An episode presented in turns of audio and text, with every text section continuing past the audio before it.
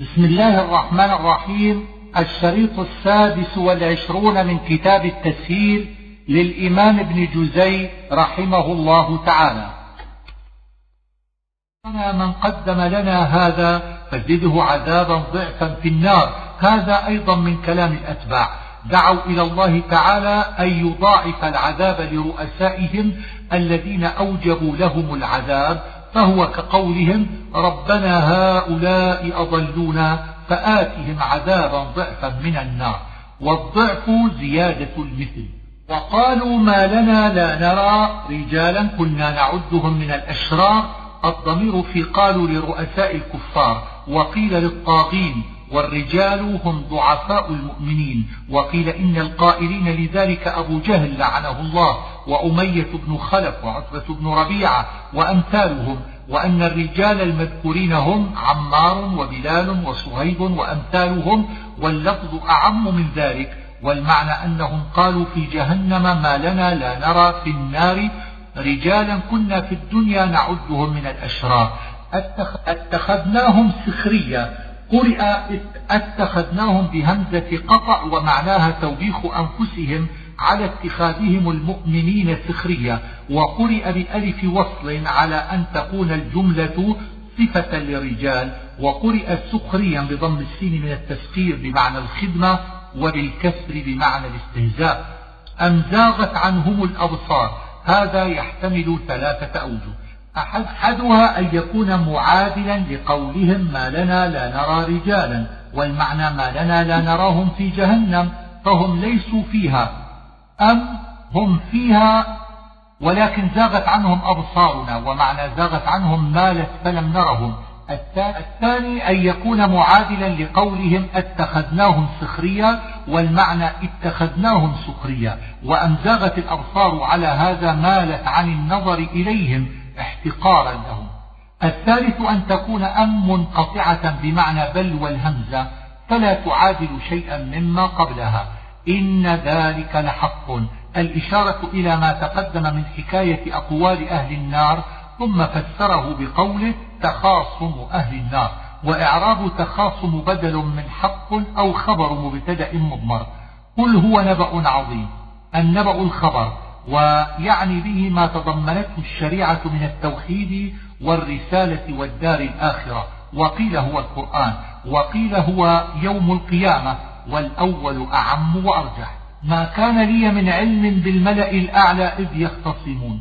الملأ الأعلى هم الملائكة ومقصد الآية الاحتجاج على نبوة محمد صلى الله عليه وسلم لأنه أخبر بأمور لم يكن يعلمها قبل ذلك. والضمير في يختصمون للملأ الأعلى واختصامهم هو في قصة آدم حين قال لهم إني جاعل في الأرض خليفة حسبما تضمنته قصته في مواضع من القرآن. وفي الحديث أن رسول الله صلى الله عليه وسلم رأى ربه فقال يا محمد فيما يختصم الملأ الأعلى؟ فقال لا أدري. قال في الكفارات وهي إسباغ الوضوء على المكاره وكثرة الخطى إلى المساجد الحديث بطوله. وقيل الضمير في يختصمون للكفار أي يختصمون في الملأ الأعلى. فيقول بعضهم هم بنات الله ويقول آخرون هم آلهة تعبد وهذا بعيد. إذ قال ربك للملائكة إني خالق بشرا من طين إذ بدل من إذ يختصمون وقد ذكرنا في البقرة معنى سجود الملائكة لآدم ومعنى كفر إبليس وذكرنا في الحجر معنى قوله تعالى من روحي قال يا إبليس ما منعك أن تسجد لما خلقت بيدي؟ الضمير في قال لله عز وجل وبيدي من المتشابه الذي ينبغي الإيمان به وتسليم علم حقيقته إلى الله.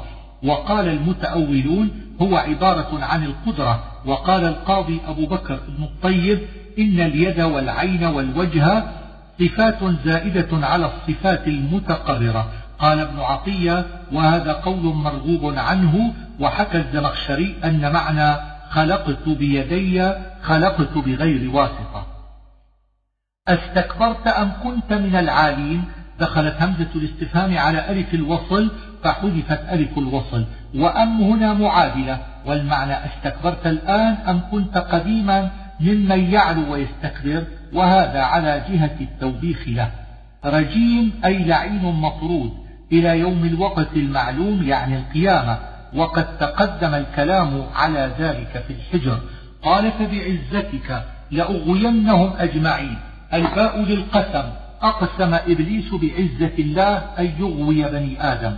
قال فالحق والحق أقول لأملأن جهنم منك وممن تبعك منهم أجمعين. الضمير في قال هنا لله تعالى.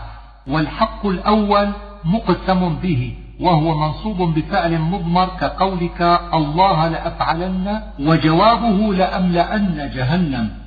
وقرئ بالرفع وهو مبتدأ لخبر مضمر تقديره الحق يميني. وأما الحق الثاني فهو مفعول بأقول وقوله والحق أقول جملة اعتراض بين القسم وجوابه على وجه التأكيد للقسم. وما أنا من المتكلفين أي الذين يتصنعون ويتحيلون بما ليسوا من أهله ولتعلمن نبأه بعد حين. هذا وعيد. أي لتعلمن صدق خبره بعد حين.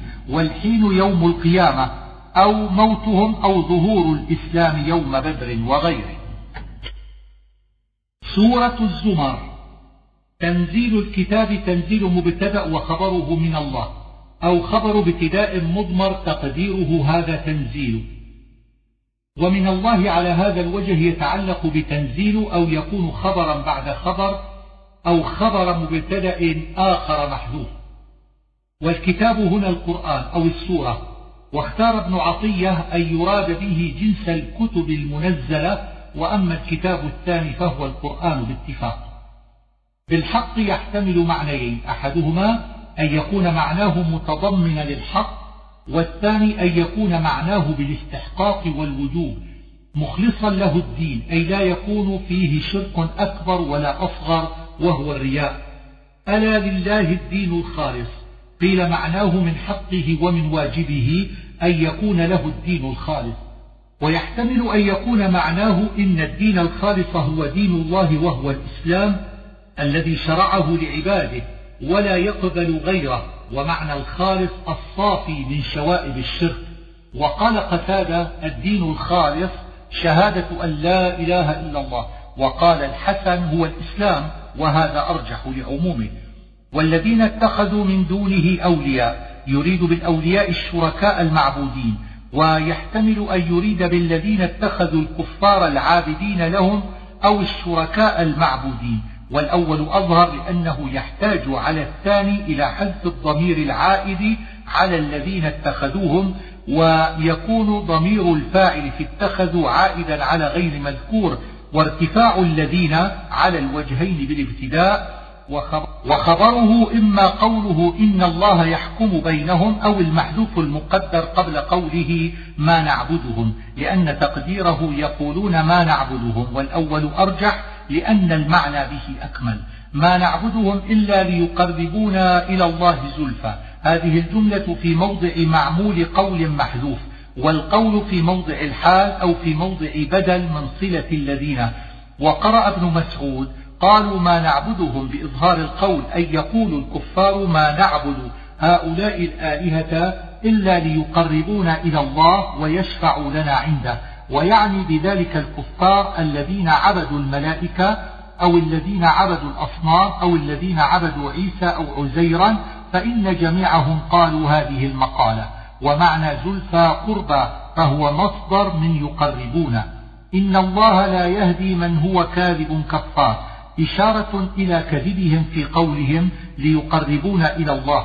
وقوله لا يهدي في تأويله وجهان. أحدهما لا يهديه في حال كفره والثاني أن ذلك مختص بمن قضي عليه بالموت على الكفر أعاذنا الله من ذلك وهذا تأويل لا يهدي القوم الظالمين والكافرين حيثما وقع. لو أراد الله أن يتخذ ولدا لاصطفى مما يخلق ما يشاء. الولد يكون على وجهين أحدهما بالولادة الحقيقية وهذا محال على الله تعالى لا يجوز في العقل. والثاني التبني بمعنى الاختصاص والتقريب كما يتخذ الإنسان ولد غيره ولدا لإفراط محبته له وذلك ممتنع على الله بإخبار الشرع. فإن قوله وما ينبغي للرحمن أن يتخذ ولدا يعم نفي الوجهين. فمعنى الآية على ما أشار إليه ابن عطية لو أراد الله أن يتخذ ولدا على وجه التبني لاصطفى لذلك مما يخلق من موجوداته ومخلوقاته ولكنه لم يرد ذلك ولا فعله. وقال الزمخشري معناه لو أراد الله اتخاذ الولد لم تنع ذلك ولكنه يصطفي من عباده من يشاء على وجه الاختصاص والتقريب لا على وجه اتخاذه ولدا. فاصطفى الملائكة وشرفهم بالتقريب فحسب الكفار أنهم أولاده.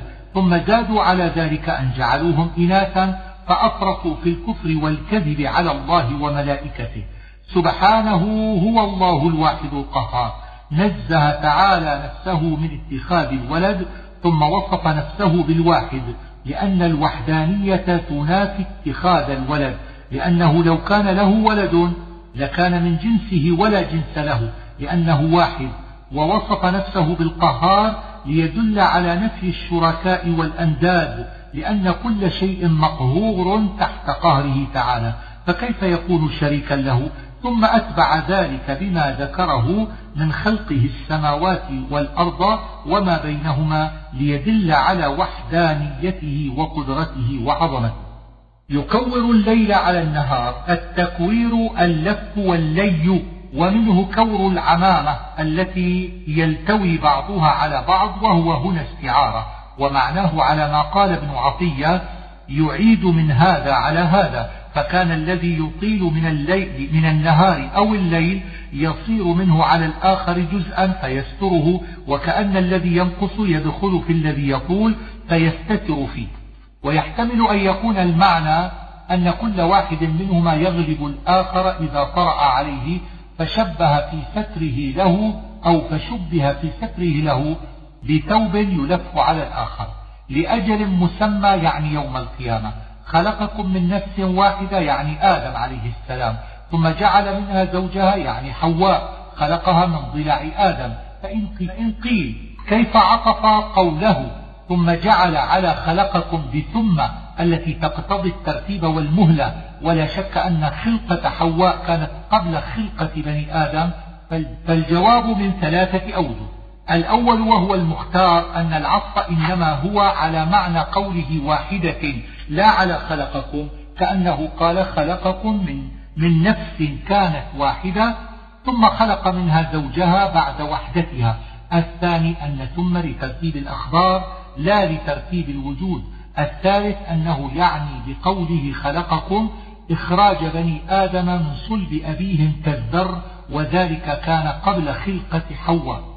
وأنزل لكم من الأنعام ثمانية أزواج يعني المذكورة في الأنعام من الضأن اثنين ومن المعز اثنين ومن الإبل اثنين ومن البقر اثنين. وسماها أزواجا لأن الذكر زوج الأنثى والأنثى زوج الذكر. وأما أنزل ففيه ثلاثة أوجه. الأول أن الله خلق أول هذه الأزواج في السماء ثم أنزلها. الثاني أن معنى أنزل قضى وقسم. فالإنزال عبارة عن نزول أمره وقضائه. الثالث أنزل المطر الذي ينبت به النبات فتعيش منه هذه الأنعام فعبر بإنزالها عن إنزال أرزاقها وهذا بعيد. خلقا من بعد خلق يعني أن الإنسان يكون نطفة ثم علقة ثم مضغة إلى أن يتم خلقه ثم ينفخ فيه الروح. في ظلمات ثلاث هي البطن والرحم والمشيمة وقيل صلب الأب والرحم والمشيمة. والأول أرجح لقوله بطون أمهاتكم ولم يذكر الصلب. إن تكفروا فإن الله غني عنكم أي لا يضره كفركم ولا يرضى لعباده الكفر. تأول الأشعرية هذه الآية على وجهين. أحدهما أن الرضا بمعنى الإرادة ويعني بعباده من قضى الله له بالإيمان والوفاة عليه. فهو كقوله إن عبادي ليس لك عليهم سلطان. والآخر أن الرضا غير الإرادة.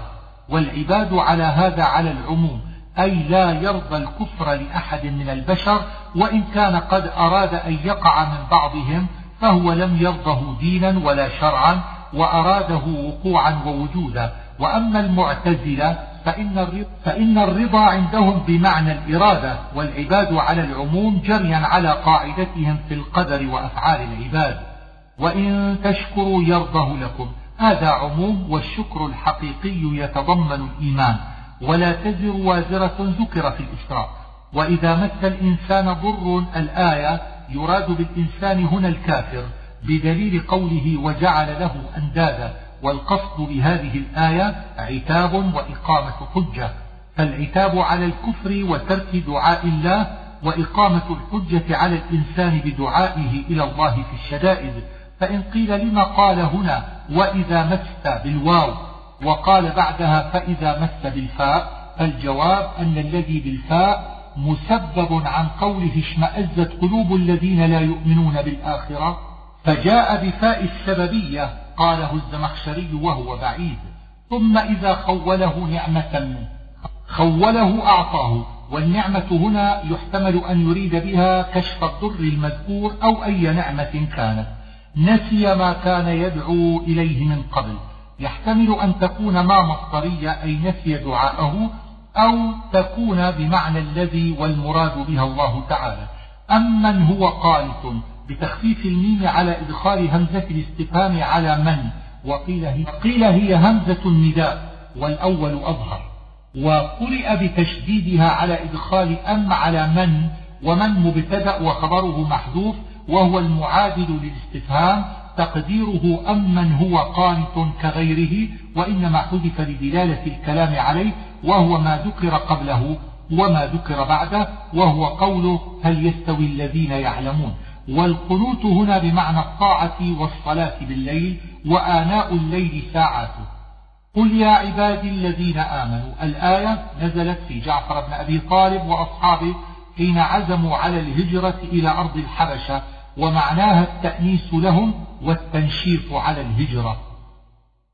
للذين أحسنوا في هذه الدنيا حسنة. يحتمل أن يتعلق في هذه الدنيا بأحسنوا والمعنى الذين أحسنوا في الدنيا لهم حسنة في الآخرة أو يتعلق بحسنة والحسنة على هذا حسن الحال والعافية في الدنيا والأول أرجح. وأرض الله, أرض الله واسعة. يراد البلاد المجاورة للأرض التي هاجروا منها والمقصود من ذلك الحظ على الهجرة. إنما يوفى الصابرون أجرهم بغير, بغير حساب. هذا يحتمل وجهين. أحدهما أن الصابر يوفى أجره ولا يحاسب على أعماله فهو من الذين يدخلون الجنة بغير حساب. والثاني أن أجر الصابرين بغير حصر بل أكثر من, من أن يحصر بعدد أو وزن وهذا قول الجمهور.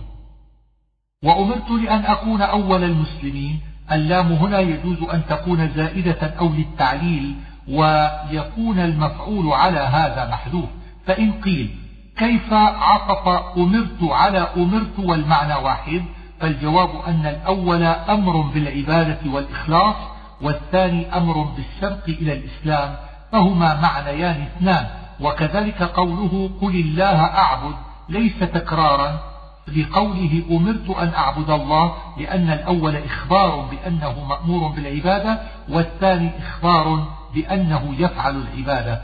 وقدم اسم الله تعالى للحصر واختصاص العبادة به وحده. فاعبدوا ما شئتم من دونه. هذا تهديد ومبالغة في الخذلان والتخلية لهم على ما هم عليه.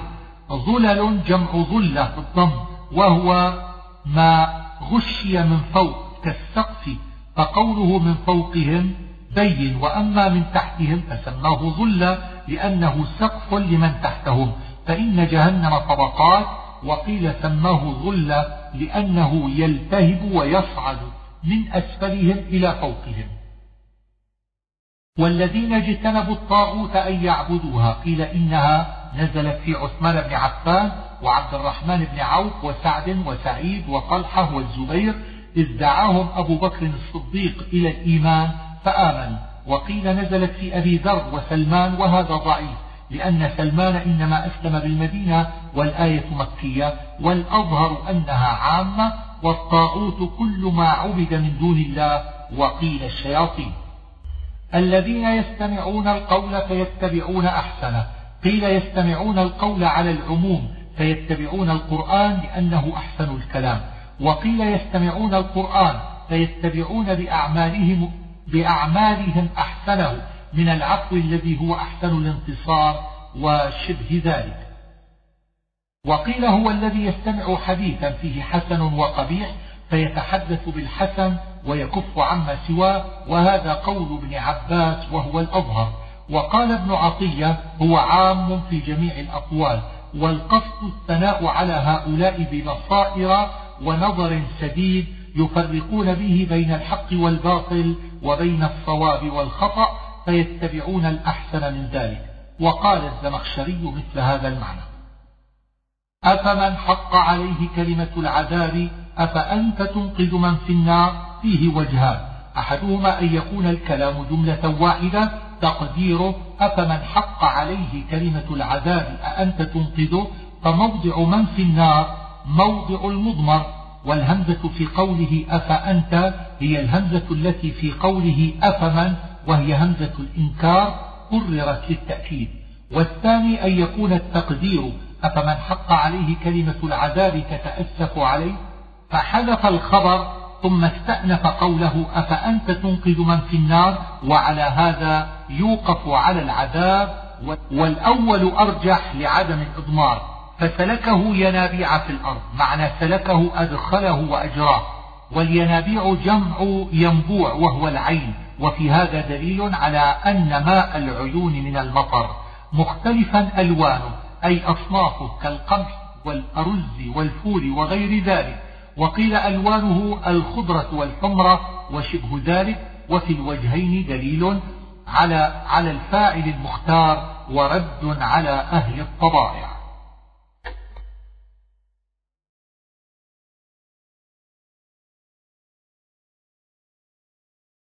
أفمن شرح الله صدره للإسلام؟ تقديره أفمن شرح الله صدره كالقاسي قلبه؟ وروي وروي أن الذي شرح الله صدره للإسلام علي بن أبي طالب وحمزة والمراد بالقاسية قلوبهم أبو لهب وأولاده واللفظ أعم من ذلك. من ذكر الله قال الزمخشري من هنا سببية أي قلوبهم قاسية من أجل ذكر الله وهذا المعنى بعيد. ويحتمل عندي أن يكون قاسية تضمن معنى خالية فلذلك تعدى من والمعنى أن قلوبهم خالية من ذكر الله. الله نزل أحسن الحديث يعني القرآن كتابا بدل من أحسن أو حال منه. متشابها معناه هنا أنه يشبه بعضه بعضا في الفصاحة والنطق بالحق وأنه ليس فيه تناقض ولا اختلاف. مثاني جمع مثنى أي تثنى فيه القصص وتكرر ويحتمل أن يكون مشتقا من الثناء لأنه يثنى فيه على الله. فإن قيل مثاني جمع فكيف أصف به المفرد؟ فالجواب أن القرآن ينقسم فيه إلى سور وآيات كثيرة فهو جمع بهذا الاعتبار. ويجوز أن يكون كقولهم برمة أعشار وثوب أخلاق. أو يكون تمييزا من متشابها كقولك حسن الشمائل ثم تلين جلودهم وقلوبهم إلى ذكر الله. إن قيل كيف تعدى تلين بإلى فالجواب أنه تضمن معنى فعل فعل تعدى بإلى كأنه قال تميل أو تسكن أو تطمئن قلوبهم إلى ذكر الله. فإن قيل لم ذكرت الجلود أولا وحدها ثم ذكرت القلوب بعد ذلك معها فالجواب أنه لما قال أولا تقشعر ذكر الجلود وحدها لأن القشعريرة من وصف الجلود لا من وصف غيرها. ولما قال ثانيا تلين ذكر الجلود والقلوب لأن اللين توصف به الجلود والقلوب. أما لين القلوب فهو ضد قسوتها وأما لين الجلود فهو ضد قشعريرتها. فاقشعرت أولا, أولا من الخوف ثم لانت بالرجاء. ذلك هدى الله. يحتمل أن تكون الإشارة إلى القرآن أو إلى الخشية وقشعرار الجلود أفمن يتقي بوجهه سوء العذاب؟ الخبر محذوف كما تقدم في نظائره. تقديره أفمن يتقي بوجهه سوء العذاب كمن هو آمن من العذاب؟ ومعنى يتقي يلقى النار بوجهه ليكفها عن نفسه. وذلك أن الإنسان إذا لقي شيئا من المخاوف استقبله بيديه وأيدي هؤلاء مغلولة فاتقوا النار بوجوههم. ذوقوا ما كنتم تكسبون أي ذوقوا جزاء ما كنتم تكسبون من الكفر والعصيان.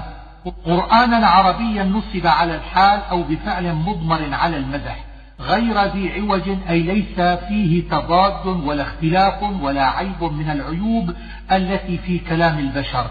وقيل معناه غير مخلوق وقيل غير ذي لحن فإن قيل لما قال غير ذي عوج ولم يقل غير معوج فالجواب أن قوله غير ذي عوج أبلغ في نفي العوج عنه كأنه قال ليس فيه شيء من العوج أصلا.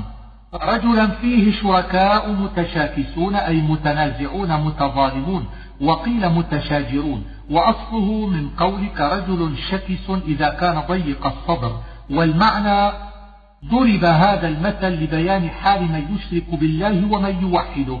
فشبه المشرك بمملوك بين جماعة من الشركاء يتنازعون فيه والمملوك بينهم في أسوأ حال. وشبه من يوحد الله بمملوك لرجل واحد. فمعنى قوله سالما لرجل أي خالصا له. وقرئ سلما بغير ألف والمعنى واحد. إنك ميت وإنهم ميتون. في هذا وعد للنبي صلى الله عليه وآله وسلم ووعيد للكفار. فإنهم إذا ماتوا جميعا وصاروا إلى الله فاز من كان على الحق وهلك من كان على الباطل. وفيه أيضا إخبار بأنه صلى الله عليه وسلم سيموت لئلا يختلف الناس في موته كما اختلفت الأمم في غيره وقد جاء أنه لما مات صلى الله عليه وسلم أنكر عمر بن الخطاب رضي الله عنه موته حتى احتج عليه أبو بكر الصديق بهذه الآية فرجع إليها. تختصمون؟ قيل يعني الاختصام في الدماء وقيل في الحقوق والأظهر أنه اختصام النبي صلى الله عليه وسلم مع الكفار في تكذيبهم له فيكون من تمام ما قبله. ويحتمل أن يكون على العموم في اختصام الخلائق فيما بينهم من المظالم وغيرها. فمن أظلم ممن كذب على الله. المعنى لا أحد أظلم ممن كذب على الله ويريد بالكذب على الله هنا ما نسبوا إليه من الشركاء والأولاد. وكذب بالصدق أي كذب بالإسلام والشريعة. والذي جاء بالصدق وصدق به قيل الذي جاء بالصدق النبي صلى الله عليه وسلم.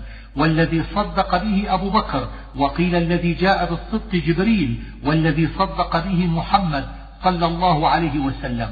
وقيل الذي جاء بالصدق الأنبياء والذي صدق به المؤمنون واختار ابن عطية أن يكون على العموم وجعل الذي للجنس كأنه قال الفريق الذي لأنه في مقابلة من كذب على الله وكذب بالصدق والمراد به العموم.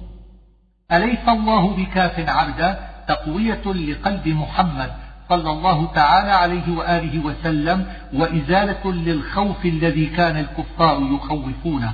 ولئن سألتهم الآية احتجاج على التوحيد ورد على المشركين. هل هن كاشفات ضره؟ الآية رد على المشركين وبرهان على الوحدانية.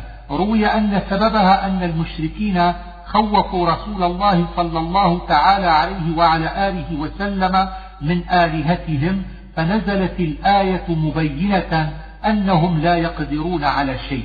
فإن قيل كيف قال كاشفات وممسكات بالتأنيث فالجواب أنها لا تعقل فعاملها معاملة المؤنثة. وأيضا ففي تأنيثها تحقير لها وتهكم بمن عبدها.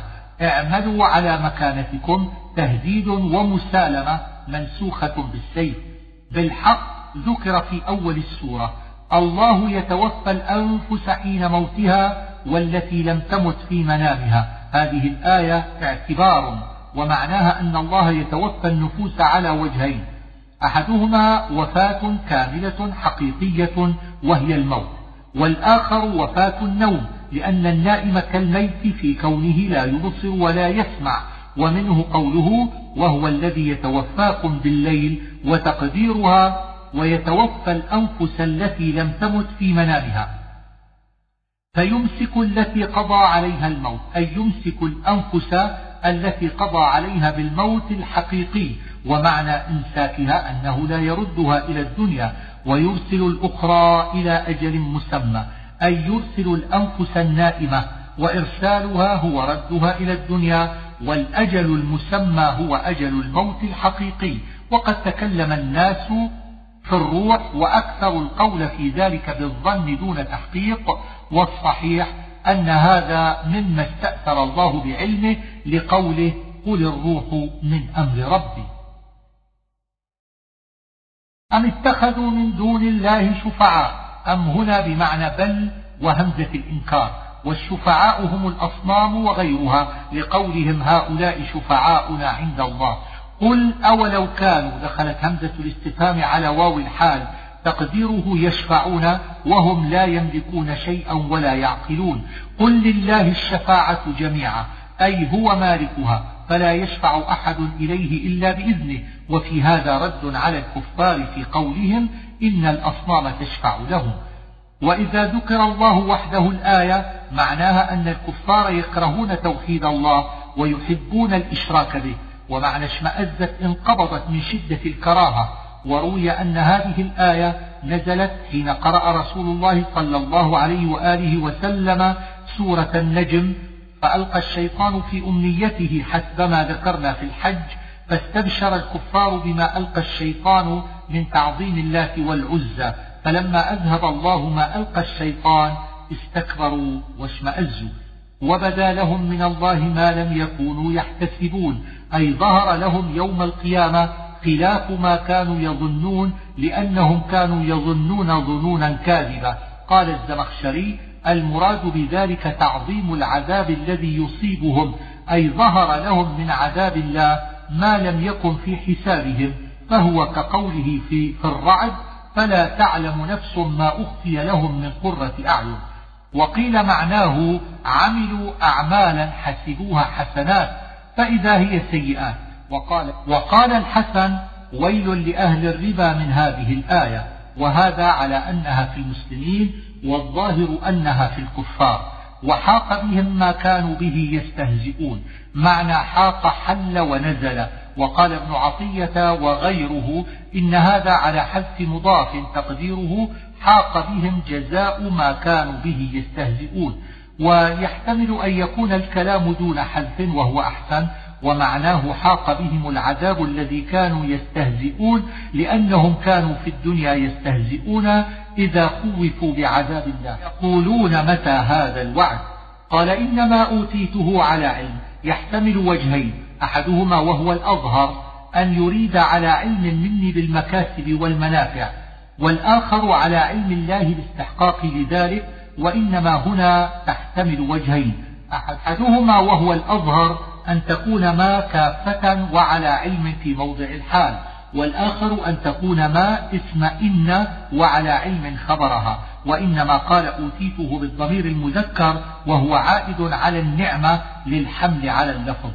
بل هي فتنة. رد على الذي قال إنما أوتيته على علم. قد قالها الذين من قبلهم يعني قارون وغيره. قل يا عبادي الذين أسرفوا على أنفسهم لا تقنطوا من رحمة الله. قال علي بن أبي طالب وابن مسعود هذه أرجى آية في القرآن. وروي أن رسول الله صلى الله عليه وعلى آله وسلم قال ما أحب أن لي الدنيا وما فيها بهذه الآية. اختلف في سببها. فقيل نزلت في وحشي قاتل حمزة لما أراد أن يسلم وخاف ألا يغفر له ما وقع فيه من قتل حمزة. وقيل نزلت في قوم آمنوا ولم يهاجروا ففتنوا فافتتنوا ثم ندموا وظنوا أنهم لا توبة لهم. وهذا, وهذا قول عمر بن الخطاب وقد كتب بها إلى هشام بن العاص لما جرى له ذلك. وقيل نزلت في قوم من أهل الجاهلية قالوا ما ينفعنا الإسلام لأننا قد زنينا وقتلنا النفوس فنزلت الآية فيهم ومعناها مع ذلك على العموم في جميع الناس إلى يوم القيامة على تفصيل نذكره وذلك أن الذين أسرفوا على أنفسهم إن أراد بهم الكفار فقد اجتمعت الأمة على أنهم إذا أسلموا غفر لهم كفرهم وجميع ذنوبهم لقوله صلى الله عليه وآله وسلم الإسلام يجب ما قبله وأنهم إن ماتوا على الكفر فإن الله لا يغفر لهم بل يخلدهم في النار. وإن أراد به العصاة من المسلمين فإن العاصي إذا تاب غفر له ذنوبه وإن لم يتب فهو في مشيئة الله إن شاء عذبه وإن شاء غفر له. فالمغفرة المذكورة في هذه الآية يحتمل أن يريد بها المغفرة للكفار إذا أسلموا أو للعصاة إذا تابوا أو للعصاة وإن لم يتوبوا إذا تفضل الله عليهم بالمغفرة. والظاهر أنها نزلت في الكفار وأن المغفرة المذكورة هي لهم إذا أسلموا والدليل على أنها في الكفار ما ذكر بعدها إلى قوله قد جاءتك آياتي فكذبت بها واستكبرت وكنت من الكافرين. واتبعوا أحسن ما أنزل إليكم من ربكم. يعني اتبعوا القرآن. وليس المعنى أن بعض القرآن أحسن من بعض لأنه حسن كله.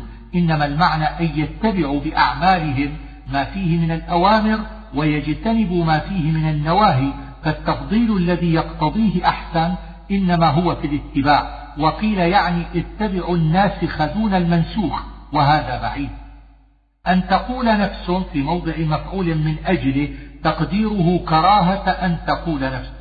وإنما ذكر النفس لأن المراد بها بعض الأنفس وهي نفس الكفار في جنب الله أي في حق الله وقيل في أمر الله وأصله من الجنب بمعنى الجانب ثم استعير لهذا المعنى.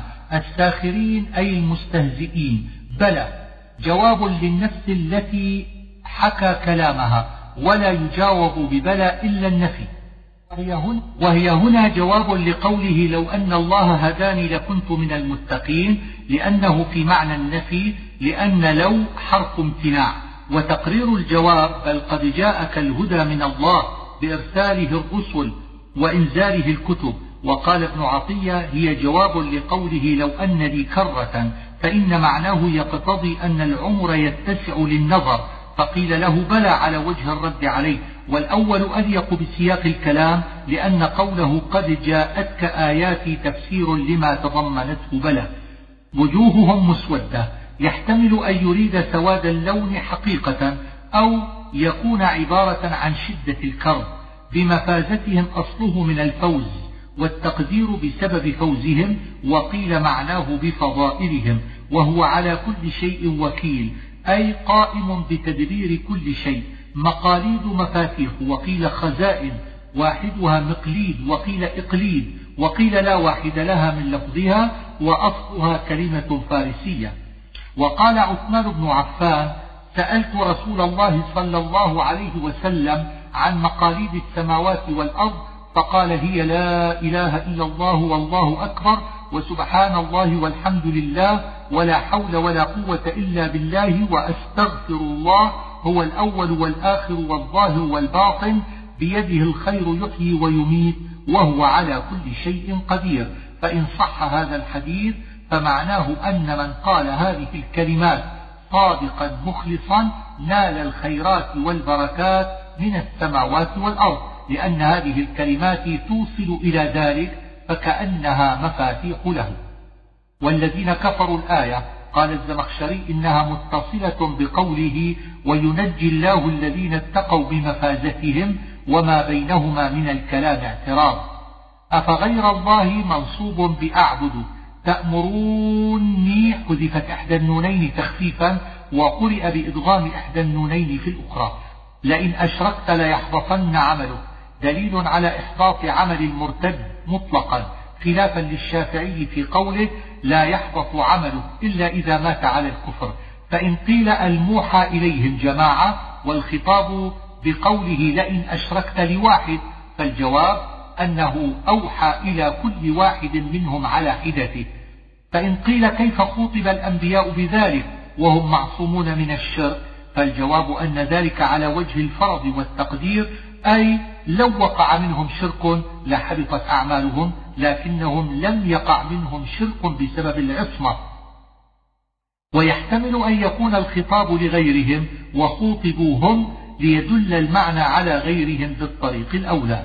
وما قدروا الله حق قدره أي ما عظموه حق تعظيمه ولا وصفوه بما يجب له ولا, نزل ولا نزهوه عما لا يليق به والضمير في قدر لقريش وقيل لليهود. والأرض جميعا قبضته يوم القيامة والسماوات مطويات بيمينه. المقصود بهذا تعظيم جلال الله والرد على الكفار الذين ما قدروا الله حق قدره ثم اختلف الناس فيها كاختلافهم في غيرها من المشكلات. فقال المتأولة إن القبضة واليمين عبارة عن القدرة وقال ابن الطيب إنها صفة زائدة على صفات الذات وأما السلف الصالح فسلموا علم ذلك إلى الله ورأوا أن هذا من المتشابه الذي لا يعلم علم حقيقته إلا الله. وقد قال ابن عباس ما معناه؟ إن الأرض في قبضته والسماوات مطويات كل ذلك بيمينه. وقال ابن عمر ما معناه؟ إن الأرض في قبضة اليد الواحدة والسماوات مطويات باليمين الأخرى لأن, لأن كلتا يديه يمين. ونفخ في الصور هو القرن الذي ينفخ فيه إسرافيل. وهذه النفخة نفخة الصعق وهو الموت. وقد قيل إن قبلها نفخة الفزع ولم تذكر في هذه الآية إلا من شاء الله. قيل يعني جبريل وإسرافيل وميكائيل وملك الموت ثم يميتهم الله بعد ذلك. وقيل استثناء الأنبياء وقيل الشهداء. ثم نفخ فيه أخرى هي نفخة القيام. قيام ينظرون قيل إنه من النظر وقيل من الانتظار أي ينتظرون ما يفعل بهم. ووضع الكتاب يعني صحائف الأعمال وإنما وحدها لأنه أراد الجنس وقيل هو اللوح المحفوظ وجيء بالنبيين ليشهدوا على قومهم والشهداء يحتمل أن يكون جمع شاهد أو جمع شهيد في سبيل الله والأول أرجع. لأن الوعيد فيه معني ولأنه أليق بذكر الأنبياء والشهداء والمراد على هذا أمة محمد صلى الله عليه وسلم لأنهم يشهدون على الناس وقيل يعني الملائكة الحفظة وقضي بينهم الضمير لجميع الخلق. زمرة. في الموضعين جمع زمرة وهي الجماعة من الناس. وقال رسول الله صلى الله عليه وآله وسلم أول زمرة يدخلون الجنة وجوههم على مثل القمر ليلة البدر. والزمرة الثانية على مثل أشد نجم في السماء إضاءة ثم هم بعد ذلك منازل. خزنتها جمع خازن حيث وقع. كلمة العذاب يعني القضاء السابق بعذابهم وفتحت أبوابها. إنما قال في الجنة وفتحت أبوابها بالواو وقال في النار فتحت بغير واو لأن أبواب الجنة كانت مفتحة قبل مجيء أهلها. والمعنى حتى إذا جاءوها وأبوابها مفتحة فالواو واو الحال وجواب إذا على هذا محذوف. وأما أبواب النار فإنها فتحت حين جاءوها فوقع قوله فتحت جواب الشرط فكأنه بغير واو وقال الكوفيون الواو في أبواب الجنة واو الثمانية لأن أبواب الجنة ثمانية وقيل الواو زائدة وفتحت هو الجواب. وأورثنا الأرض يعني أرض الجنة والوراثة هنا استعارة كأنهم ورثوا موضع من لم يدخل الجنة. نتبوأ أي ننزل من الجنة حيث نشاء ونتخذه مسكنا. حافين من حول العرش أي محدقين به دائرين حوله. وقضي بينهم الضمير لجميع الخلق كالموضع الأول. ويحتمل هنا أن يكون للملائكة والقضاء بينهم توفية أجورهم على حسب منازلهم. وقيل الحمد لله رب العالمين. يحتمل, يحتمل أن يكون القائل لذلك الملائكة أو جميع الخلق أو أهل الجنة. لقوله وآخر دعواهم أن الحمد لله رب العالمين. الجزء الرابع من كتاب التسهيل سورة غافر. حامين تقدم الكلام على حروف الهجاء وتختص حامين بأن معناها حم الأمر أي قضي وقال ابن عباس ألف لام را وحاميم ونون هي حروف الرحمن. تنزيل الكتاب ذكر في الزمر ذي الطول أي ذي الفضل والإنعام وقيل الطول الغنى والسعة. فلا يغررك تقلبهم في البلاد جعل لا يغررك بمعنى لا يحزنك. ففيه تسلية للنبي صلى الله عليه وآله وسلم ووعيد للكفار. والأحزاب يراد بهم عاد وثمود وغيرهم ليأخذوه أي ليقتلوه ليدحضوا أي ليبطلوا به الحق. حقت كلمة ربك أي وجب قضاؤه ومن حوله عطف على الذين يحملون ويؤمنون به.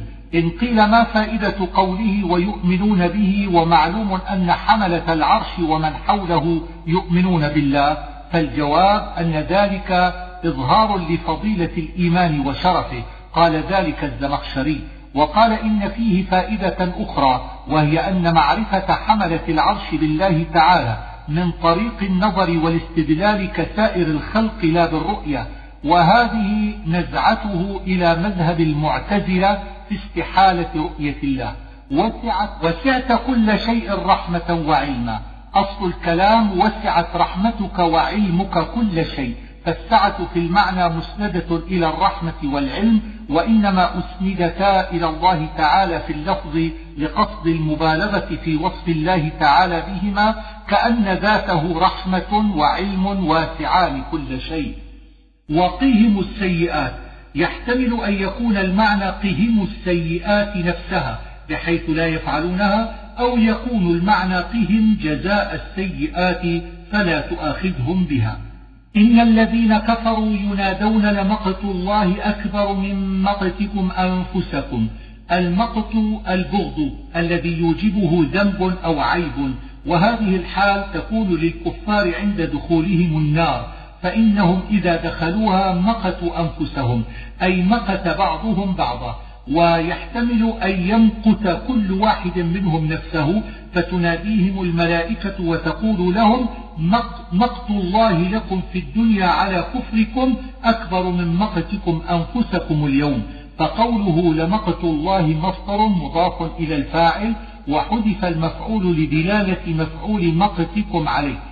وقوله إذ تدعون ظرف العامل فيه مقت الله عاما من طريق المعنى ويمتنع أن يعمل فيه من طريق قوانين النحو لأن مقت الله مصدر فلا يجوز أن يفصل بينه وبين بعض صلته فيحتاج أن يقدر للظرف عامل وعلى هذا أجاز بعضهم الوقف على قوله أنفسكم والابتداء بالظرف وهذا ضعيف لأن المراعى المعنى وقد جعل الزمخشري مقت الله عاما في الظرف ولم يعتبر الفصل. قالوا ربنا أمتنا اثنتين وأحييتنا اثنتين. هذه الآية كقوله وكنتم أمواتا فأحياكم ثم يميتكم ثم يحييكم. فالموتة فالموتة الأولى عبارة عن كونهم عدما أو كونهم في الأصلاب أو في الأرحام. والموتة الثانية الموت المعروف والحياة الأولى حياة الدنيا والحياة الثانية حياة البعث في القيامة. وقيل الحياة الأولى حياة الدنيا في القبر والموت والموتة الأولى الموت المعروف والموتة الثانية بعد حياة القبر. وهذا قول فاسد لأنه لا بد من الحياة للبعث فتجيء الحياة ثلاث مرات. فإن قيل كيف اتصال قولهم أمتنا اثنتين وأحييتنا اثنتين بما قبله فالجواب أنهم كانوا في الدنيا يكفرون بالبعث. فلما دخلوا النار مقتوا أنفسهم على ذلك فأقروا به حينئذ ليرضوا الله بإقرارهم حينئذ. فقولهم أمتنا اثنتين وأحييتنا اثنتين إقرار بالبعث على أكمل الوجوه طمعا منهم أن يخرجوا عن المقت الذي مقتهم الله إذ كانوا يدعون إلى الإسلام فيكفرون. فاعترفنا بذنوبنا. الفاء هنا رابطة معناها التسبب. فإن قيل كيف يكون قولهم أمتنا اثنتين سببا لاعترافهم بالذنوب؟ فالجواب أنهم كانوا كافرين بالبعث. فلما رأوا الإماتة والإحياء قد تكرر عليهم علموا أن الله قادر على البعث فاعترفوا بذنوبهم وهي إنكار البعث وما أوجب لهم إنكار إنكارهم من المعاصي. فإن من لم يؤمن بالآخرة لا يبالي بالوقوع في المعاصي. ذلكم بأنه إذا دعي الله وحده كفرتم.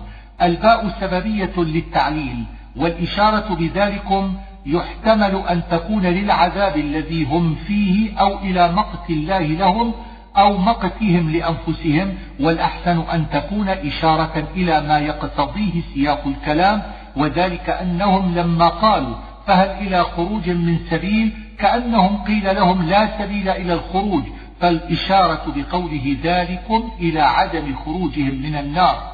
يريكم آياته يعني العلامات الدالة عليه من مخلوقاته ومعجزات رسله. وينزل لكم من السماء رزقا يعني المطر رفيع الدرجات.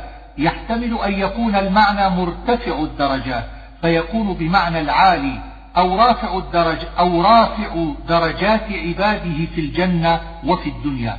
يلقي الروح يعني الوحي من أمره. يحتمل أن يريد الأمر الذي هو واحد الأمور أو الأمر بالخير فعلى الأول تكون من للتبعيض أو لابتداء الغاية وعلى الثاني تكون لابتداء الغاية أو بمعنى الباء يوم التلاق يعني يوم القيامة وسمي بذلك لأن الخلائق يلتقون فيه وقيل لأنه يلتقي فيه أهل السماوات والأرض وقيل لأنه يلتقي الخلق مع ربهم والفاعل في ينذر ضمير يعود على من يشاء أو على الروح أو على الله. لمن الملك اليوم؟ هذا من كلام الله تعالى تقريرا للخلق يوم القيامة. فيجيبونه ويقولون لله الواحد القهار. وقيل بل هو الذي يجيب نفسه لأن الخلق يسكتون هيبة له. وقيل إن القائل لمن الملك اليوم ملك. يوما آزفة يعني القيامة ومعناه القريبة. إذ القلوب لدى الحناجر. معناه إن القلوب قد صعدت من الصدور بشدة الخوف حتى بلغت الحناجر فيحتمل أن يكون ذلك حقيقة أو مجازا عبر به عن شدة الخوف. والحناجر جمع حنجرة وهي الحلق. كاظمين أي محزونين حزنا شديدا كقوله فهو كظيم وقيل معناه يكظمون حزنهم أي يطمعون أن يخفوه والحال تغلبهم وانتصابه على الحال من أصحاب القلوب لأن معناه قلوب الناس أو من المفعول في أنذرهم أو من القلوب وجمعها جمع المذكر لما وصفها بالكظم الذي هو من أفعال العقلاء ما للظالمين من حميم أي صديق مشفق ولا شفيع يطاع يحتمل أن يكون نفي الشفاعة وطاعة الشفيع أو نفي طاعة الشفيع خاصة. كقولك ما جاءني رجل صالح فنفيت الصلاح وإن كان قد جاءك رجل غير صالح والأول أحسن لأن الكفار ليس لهم من يشفع فيهم.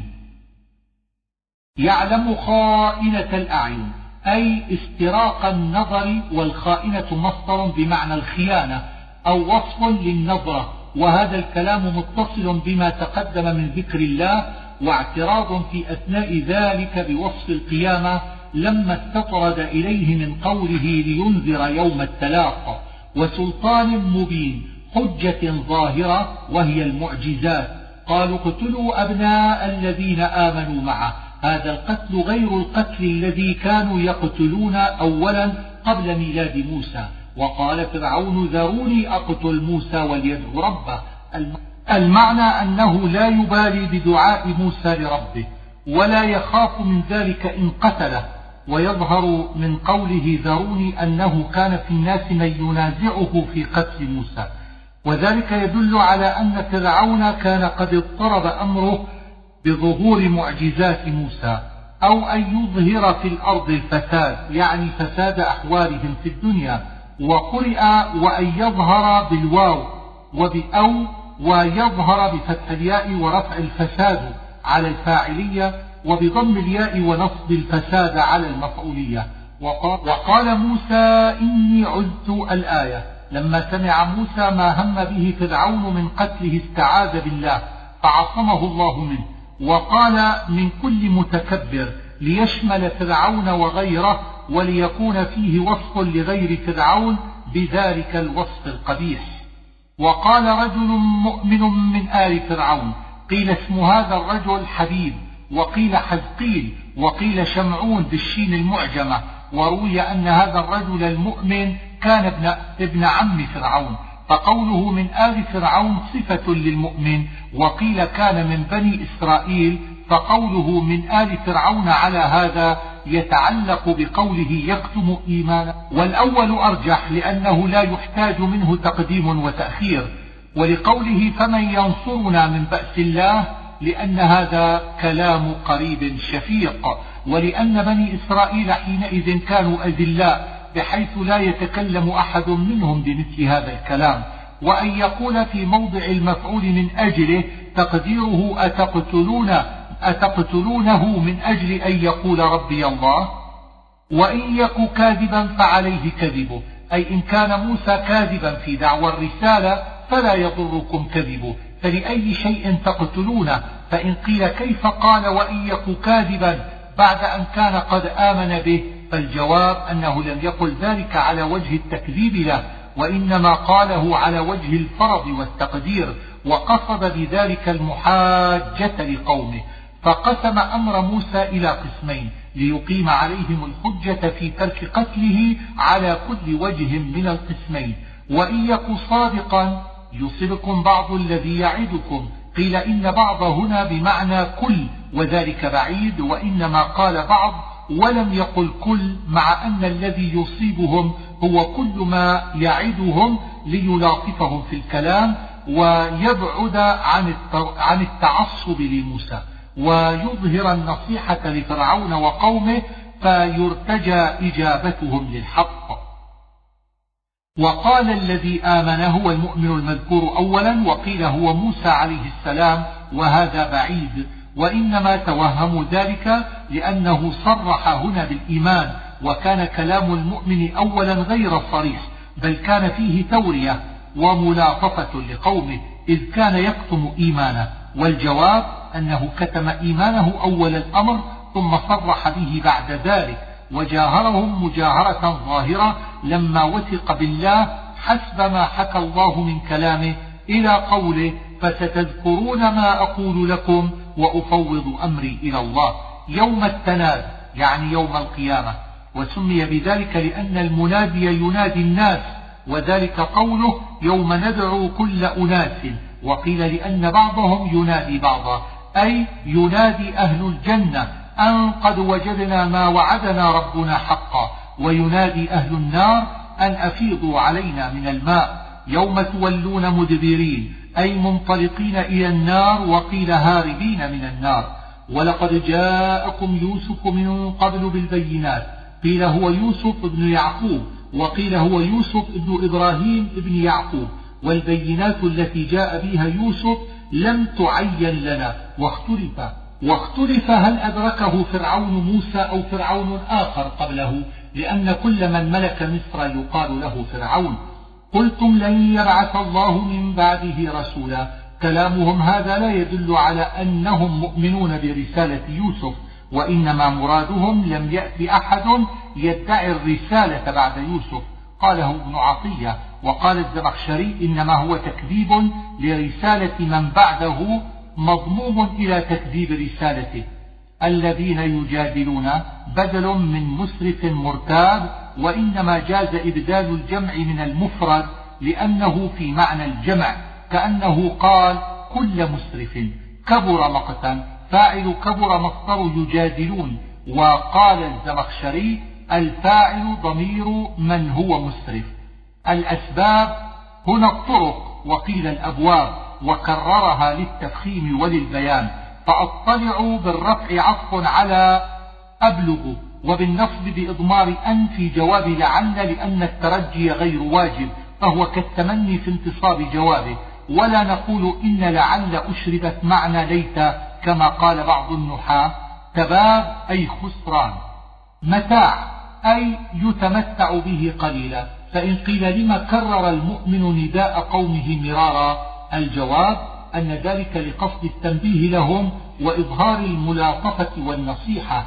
فإن قيل لما جاء بالواو في قوله ويا قوم في الثالث دون الثاني فالجواب أن الثاني بيان للأول وتفسير فلم يصح عطفه عليه. بخلاف الثالث فإنه كلام آخر. فصح عطفه عليه. ما ليس لي به علم أي ليس لي علم بربوبيته والمراد بنفي العلم نفي المعلوم كأنه قال وأشرك ما ليس بإله وإذا لم يكن إلها لم يصح علم ربوبيته. لا جرم أي لا بد ولا شك. ليس له دعوة قال ابن عطية ليس له قدر ولا حق يجب أن يدعى إليه كأنه قال أتدعونني إلى عبادة ما لا خطر له في الدنيا ولا في الآخرة؟ ويحتمل اللفظ أن يكون معناه ليس له دعوة قائمة أي لا, لا يدعى أحد إلى عبادته. فوقاه الله سيئات ما مكروا. دليل على أن من فوض أمره إلى الله عز وجل كان الله معه.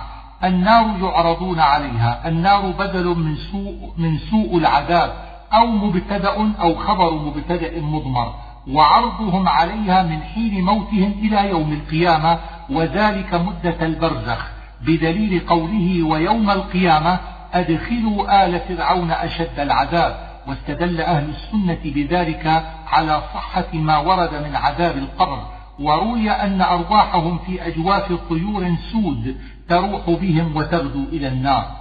غدوا وعشية قيل معناه في كل غدوة وعشية من أيام الدنيا. وقيل المعنى على تقدير ما بين الغدوة والعشية لأن الآخرة لا غدوة فيها ولا عشية. لخزنة جهنم. إن قيل هلا قال الذين في النار لخزنتها فلما صرح باسمها؟ الجواب أن في ذكر جهنم تهويلا ليس في ذكر الضمير. وما دعاء الكافرين إلا في ضلال. يحتمل أن يكون من كلام خزنة جهنم فيكون متصلا بقوله فادعوا أو يكون من كلام الله تعالى استئنافا. إنا لننصر رسلنا. قيل إن هذا خاص في من أظهره الله على الكفار وليس بعام لأن من الأنبياء من قتله قومه كزكريا ويحيى والصحيح أنه عام. والجواب عما ذكروه أن زكريا ويحيى لم يكونا من الرسل إنما كانا من الأنبياء الذين ليسوا بمرسلين وإنما ضمن الله نصر الرسل خاصة لا نصر الأنبياء كلهم. ويوم يقوم الأشهاد يعني يوم القيامة والأشهاد جمع شاهد أو شهيد. ويحتمل أن يكون بمعنى الحضور أو الشهادة على الناس أو الشهادة في سبيل الله والأظهر أنه بمعنى الشهادة على الناس لقوله فكيف إذا جئنا من كل أمة بشهيد؟ يوم لا ينفع الظالمين معذرتهم يحتمل أنهم لا يعتذرون أو يعتذرون ولكن لا تنفعهم معذرتهم والأول أرجح لقوله ولا يؤذن لهم فيعتذرون فنفي الاعتذار والانتفاع به. إن وعد الله حق. يعني وعده لسيدنا محمد صلى الله عليه وآله وسلم بالنصر والظهور على أعدائه الكفار. بالعشي والإبكار. قيل العشي صلاة العصر والإبكار صلاة الصبح. وقيل العشي بعد العصر إلى الغروب والإبكار من طلوع الفجر إلى طلوع الشمس. إن الذين يجادلون يعني كفار قريش إن في صدورهم إلا كبر أي تكبر وتعاظم يمنعهم من أن يتبعوك أو ينقادوا إليك. وقيل كبرهم أنهم أرادوا النبوة لأنفسهم ورأوا أنهم أحق بها. والأول أظهر لأن إرادتهم النبوة لأنفسهم حسد والأول هو الكبر. ما هم ببالغيه أي لا يبلغون ما يقتضيه كبرهم من الظهور عليك ومن نيل النبوة. فاستعذ بالله أي استعذ من شرهم لأنهم أعداء لك. واستعذ من مثل حالهم في الكبر والحسد. واستعذ بالله في جميع أمورك على الإطلاق. لخلق السماوات والأرض أكبر من خلق الناس. الخلق هنا مصدر مضاف إلى المفعول والمراد به الاستدلال على البعث.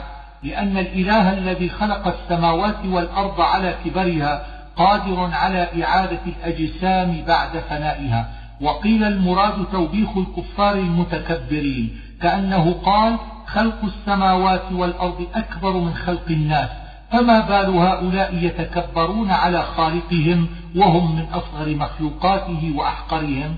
والأول أرجح لوروده في مواضع من القرآن لأنه قال بعده إن الساعة لآتية لا ريب فيها فقدم الدليل ثم ذكر المدلول. وقال ربكم ادعوني أستجب لكم. الدعاء هنا هو الطلب والرغبة وهذا وعد مقيد بالمشيئة وهي موافقة القدر لمن أراد أن يستجيب له. وقيل ادعوني هنا بمعنى اعبدوني بدليل قوله بعده إن الذين يستكبرون عن عبادتي.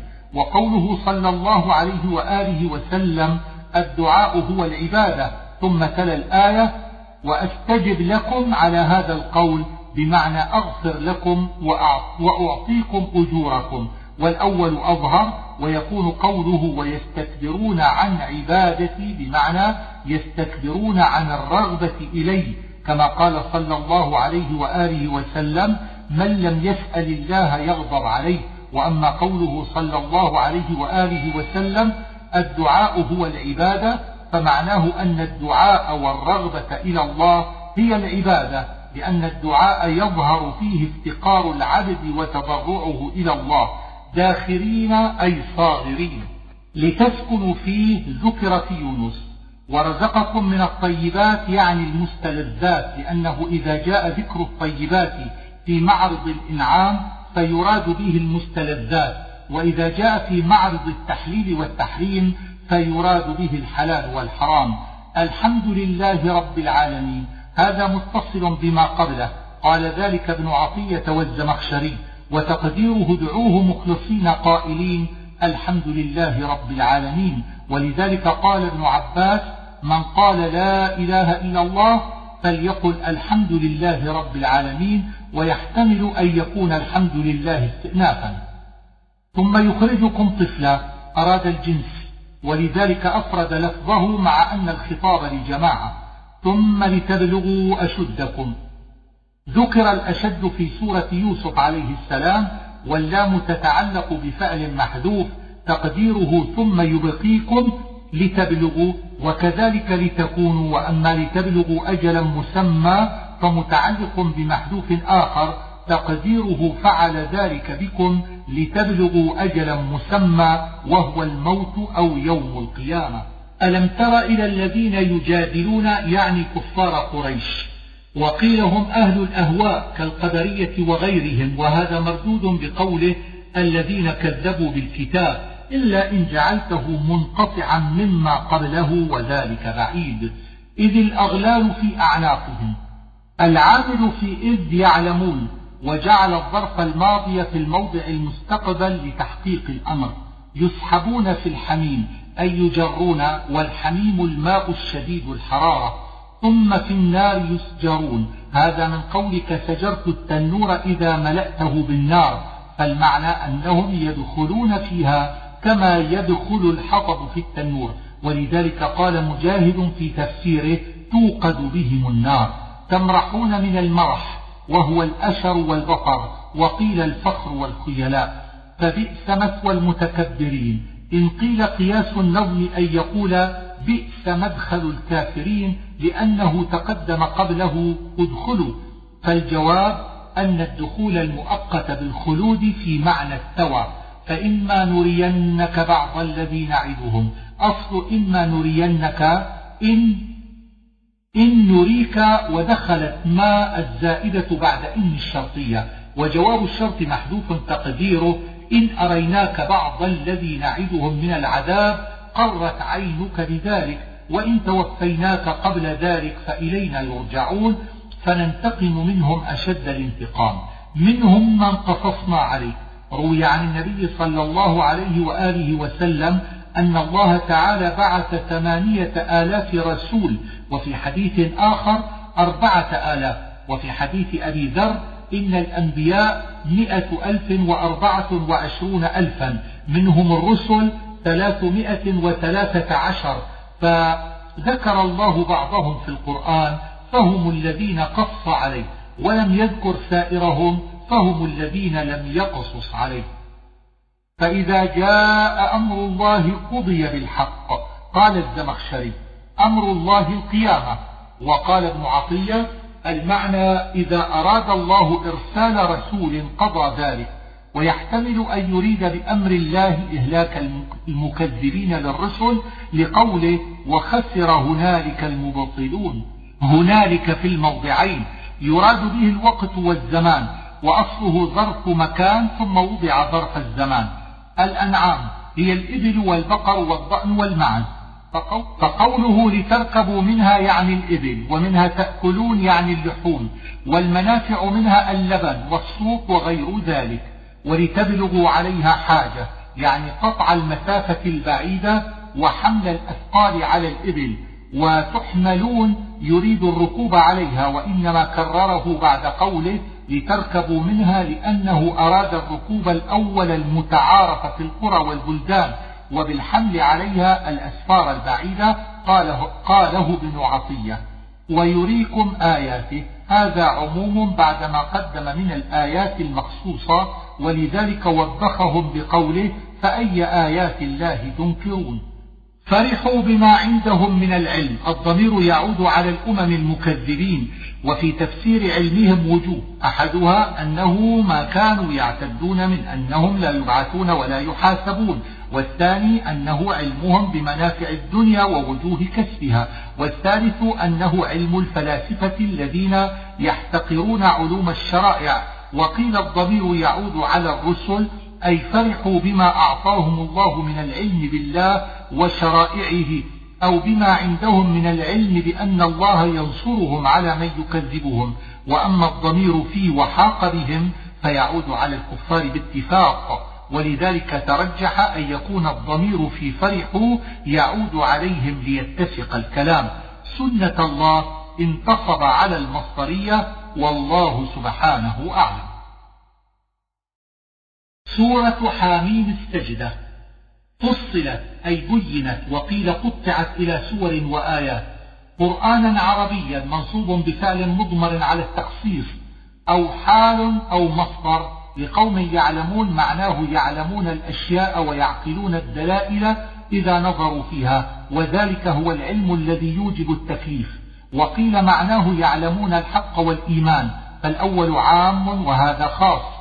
والأول أولى لقوله فأعرض أكثرهم لأن الإعراض ليس من صفة المؤمنين. وقيل يعلمون لسان العرب فيفهمون القرآن إذ هو بلغتهم.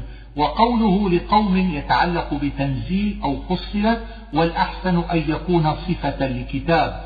فهم لا يسمعون أي لا يقبلون ولا يطيعون وعبر عن ذلك بعدم السماع على وجه المبالغة.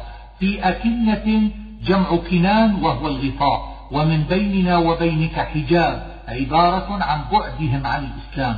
فاعمل إننا عاملون. قيل معناه اعمل على دينك إننا عاملون على ديننا فهي متاركة. وقيل اعمل في إبطال أمرنا عاملون في إبطال أمرك فهو تهديد. الذين لا يؤتون الزكاة هي زكاة المال وإنما خصها بالذكر لصعوبتها على الناس ولأنها من أركان الإسلام. وقيل يعني بالزكاة التوحيد وهذا بعيد وإنما حمله على ذلك لأن الآيات مكية لم تفرض الزكاة إلا بالمدينة والجواب أن المراد النفقة في طاعة الله مطلقا وقد كانت مأمورا بها بمكة. أجرا غير ممنون أي غير مقطوع من قولك مننت الحبل إذا قطعته وقيل غير منقوص قيل غير محصور وقيل وقيل لا يمن عليهم به لأن المن يكدر الإحسان أندادا أي أمثالا وأشباها من الأصنام وغيرها. رواسي يعني الجبال وبارك فيها أكثر خيرها وقدر فيها أقواتها أي أرزاق أهلها ومعاشهم. وقيل يعني أقوات الأرض من المعادن وغيرها من الأشياء التي بها قوام الأرض والأول أظهر. في أربعة أيام يريد أن الأربعة كملت باليومين الأولين فخلق الأرض في يومين وجعل فيها ما ذكر في يومين فتلك أربعة أيام. وخلق السماوات في يومين فتلك ستة أيام حسب ما ذكر في مواضع كثيرة. ولو كانت هذه الأربعة الأيام زيادة على اليومين المذكورين قبلها لكانت الجملة ثمانية أيام بخلاف ما ذكر في المواضع الكثيرة سواء بالنصب مصدر تقديره استوت استواء قاله الزمخشري وقال ابن عطية انتصب على الحال. للسائلين قيل معناه لمن سأل عن أمرها وقيل معناه للطالبين لها ويعني بالطلب على هذا حاجة الخلق إليها وحرف الجر يتعلق بمحذوف على القول الأول تقديره يبين ذلك لمن سأل عنه ويتعلق بقدر على القول الثاني. ثم استوى إلى السماء أي قصد إليها ويقتضي هذا الترتيب أن الأرض خلقت قبل السماء. فإن قيل كيف الجمع بين ذلك وبين قوله والأرض بعد ذلك دحاها فالجواب أنها خلقت قبل السماء ثم دحيت بعد ذلك وهي دخان. روي أنه كان العرش على الماء فأخرج إليه من الماء فأخرج إليه من الماء دخان فارتفع فوق الماء فأيبس الماء فصار أرضا ثم خلق السماوات من الدخان المرتفع. فقال لها وللأرض ائتيا طوعا أو كرها.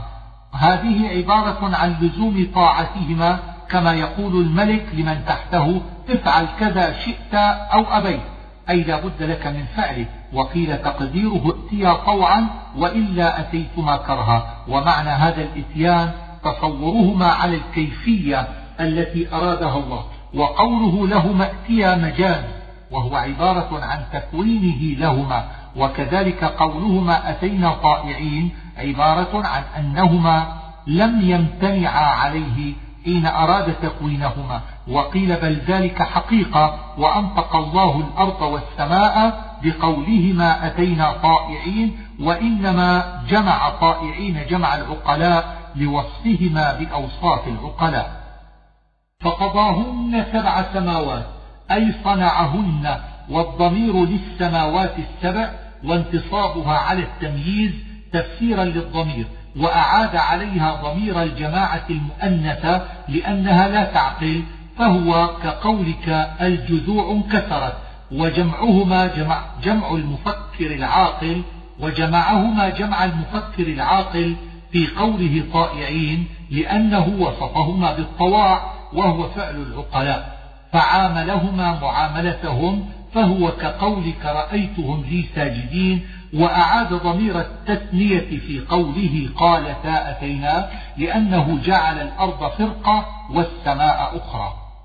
وأوحى في كل سماء أمرها أي أوحى إلى سكانها من الملائكة وإليها نفسها ما شاء من الأمور التي بها قوامها وصلاحها وأضاف الأمر إليها لأنه فيها وزينا السماء الدنيا بمصابيح يعني الشمس والقمر والنجوم وهي زينة للسماء الدنيا سواء كانت فيها أو فيما فوقها من السماوات. وحفظا تقديره وحفظناها حفظا ويجوز أن يكون مفعولا من أجله على المعنى كأنه قال وخلقنا المصابيح زينة وحفظا فإن أعرضوا الضمير لقريش صائقة يعني واقعة واحدة شديدة وهي مستعارة من صائقة النار وقرئ بإسكان العين وهي الواقعة من قولك صعق الرجل.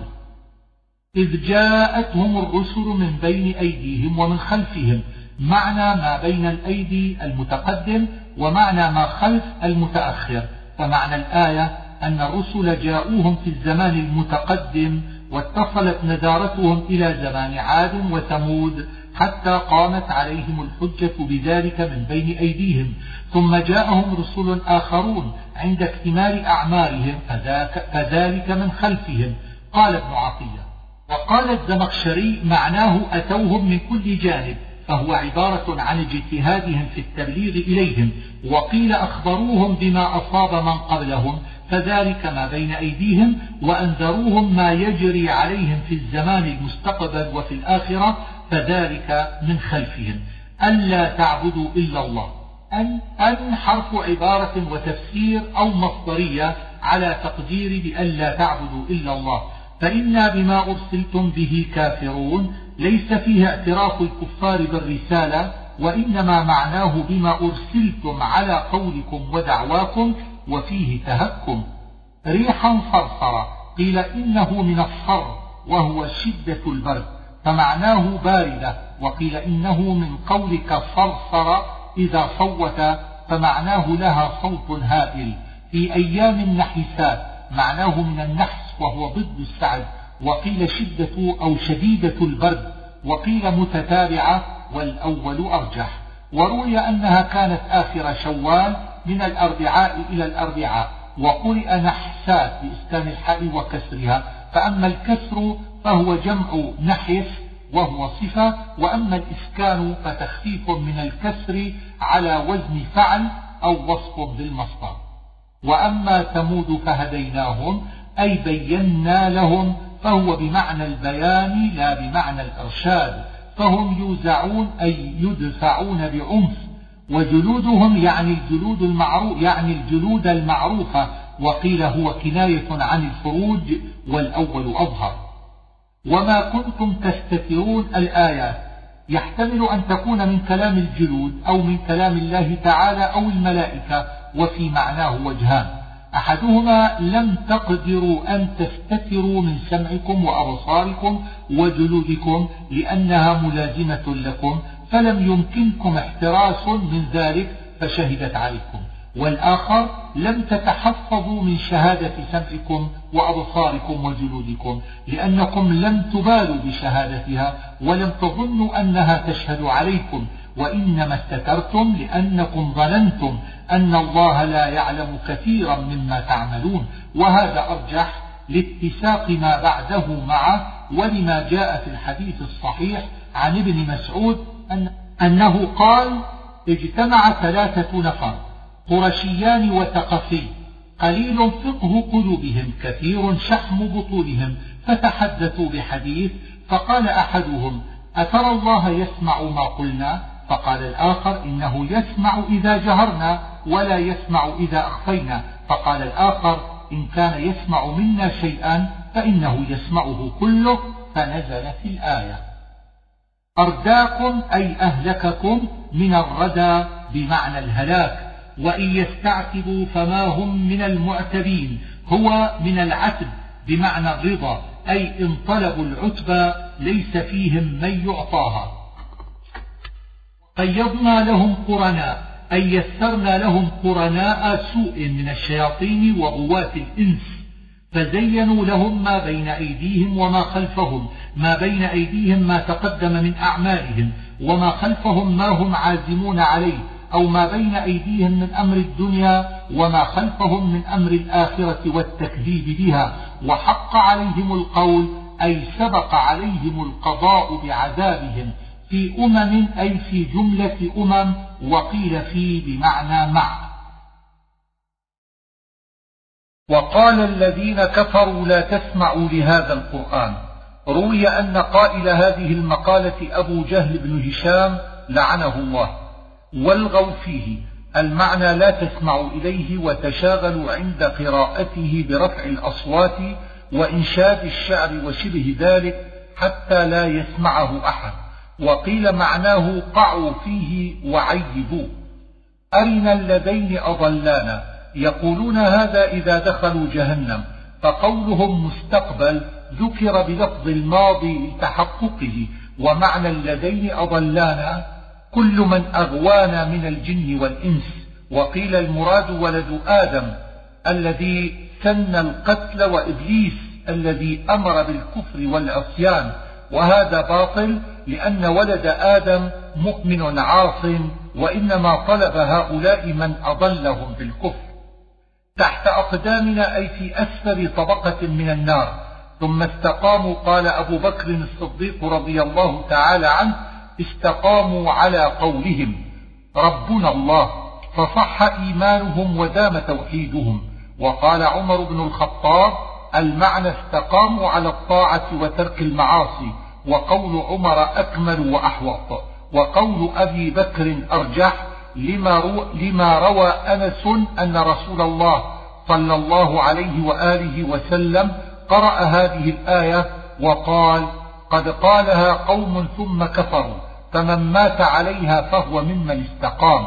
وقال بعض الصوفية معنى استقاموا أعرضوا عما سوى الله وهذه حالة الكمال على أن اللفظ لا يقتضيه تتنزل عليهم الملائكة يعني عند الموت ولكم فيها الضمير للآخرة ما تدعون أي ما تطلبون ومن أحسن قولا ممن دعا إلى الله أي لا أحد أحسن قولا منه ويدخل في ذلك كل من دعا إلى عبادة الله أو طاعته على العموم.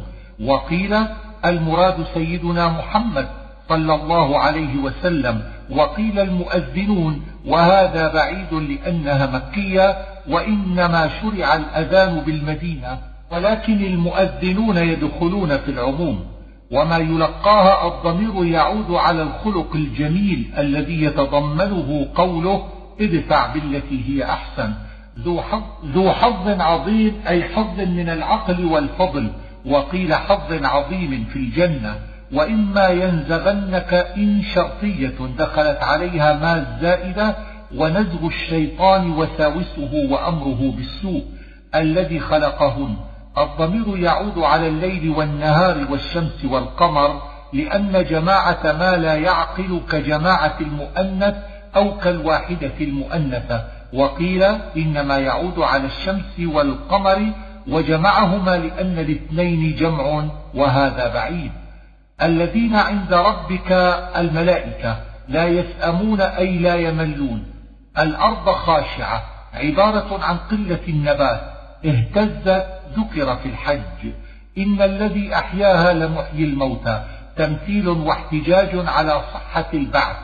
إن الذين يلحدون في آياتنا أي يطعنون عليها. وهذا الإلحاد هو بالتكذيب وقيل باللغو فيه حسب ما تقدم في السورة. أفمن يلقى في النار؟ الآية. قيل إن المراد بالذي يلقى في النار أبو جهل وبالذي يأتي آمنا عثمان بن عفان وقيل عمار بن ياسر واللفظ أعم من ذلك. اعملوا ما شئتم تهديد لا إباحة.